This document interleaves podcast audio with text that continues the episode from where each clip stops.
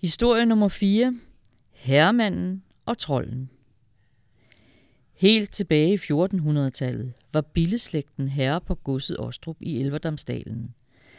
En herremand af de Billers slægt gik så modig rundt på sine marker ved Ostrup.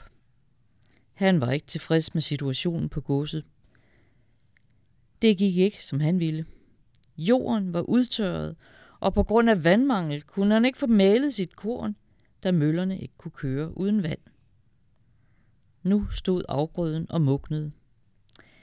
Bedst som han gik i sine egne triste tanker, stod der foran ham en underlig lille skabning. En lille håret mandsling. En mellemting mellem en dværg og en trold. Den fremmede måtte, på trods af sin lidenhed, have vældige kræfter, for han slæbte med sig et stort egetræ, som han havde rykket op med rode. Han lagde hovedet på skrå og kiggede op på den store mand.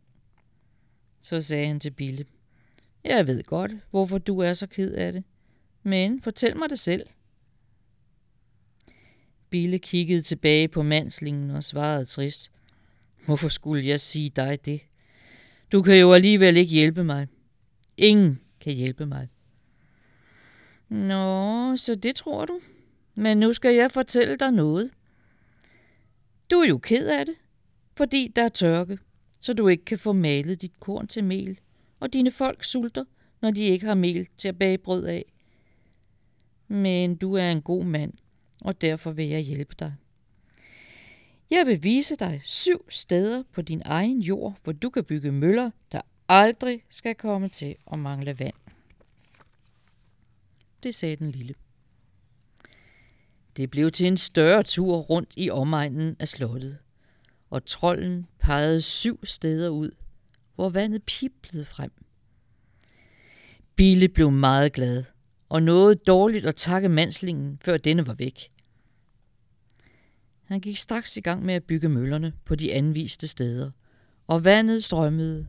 Møllerne kørte, og der blev malet mel, så ingen mere led nød. I taknemmelighed indsatte Bille trolden som skjoldholder i sit våben. Og siden er han kun set her, hvor han står med det oprevne træ. Historien om trolden og de syv møller.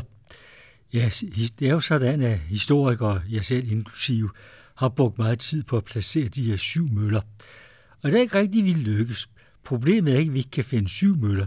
Vi kan rent faktisk finde alt for mange. 13 alene i nærheden af Ostrup. Så det reelle er, at syv er et eventyrtal, og syv betyder simpelthen mange.